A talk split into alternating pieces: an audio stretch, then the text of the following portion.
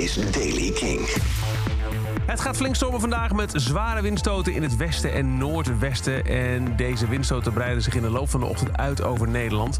Voor de tweede helft van de ochtend is er voor het noordwesten code oranje van kracht. En AWB waarschuwt niet de weg op te gaan vanwege de storm.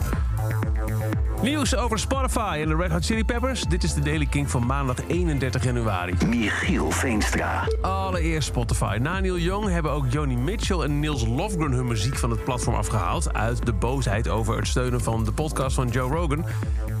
Spotify heeft nu een statement geplaatst. De CEO van het bedrijf, Daniel Ek, liet via social media weten dat het luisteraars van podcasts die gaan over COVID-19 in vervolg meer informatie zou geven. Er komt een soort van disclaimer bij.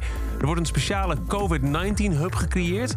Die wordt toegevoegd aan elke podcast die gaat over het coronavirus. En daarmee word je doorverwezen naar door data gedreven feiten. Zoals gedeeld door wetenschappers, artsen, academici en gezondheidsautoriteiten over de hele wereld.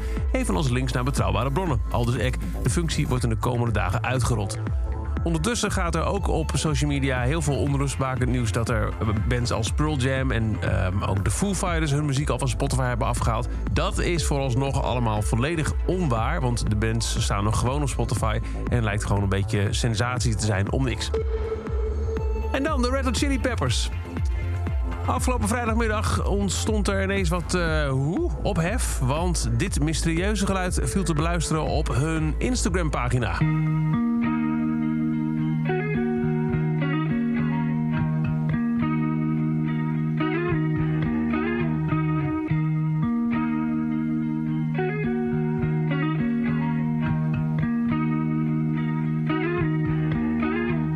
En dat is het. Het kenmerkende geluid van de teruggekeerde gitarist John Frusciante. En die terugkeer, daar lijkt dus muziek in te zitten.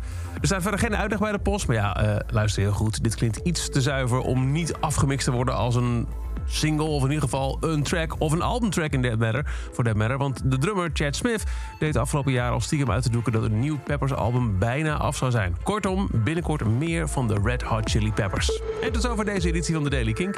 Elke dag in een paar minuten bij met het laatste muzieknieuws en nieuwe releases. Niks missen? Luister dan elke dag via de Kink-app, kink.nl of waar je ook maar naar podcast luistert. En voor meer muzieknieuws en nieuwe muziek luister je s'avonds om 7 uur naar Kink in Touch.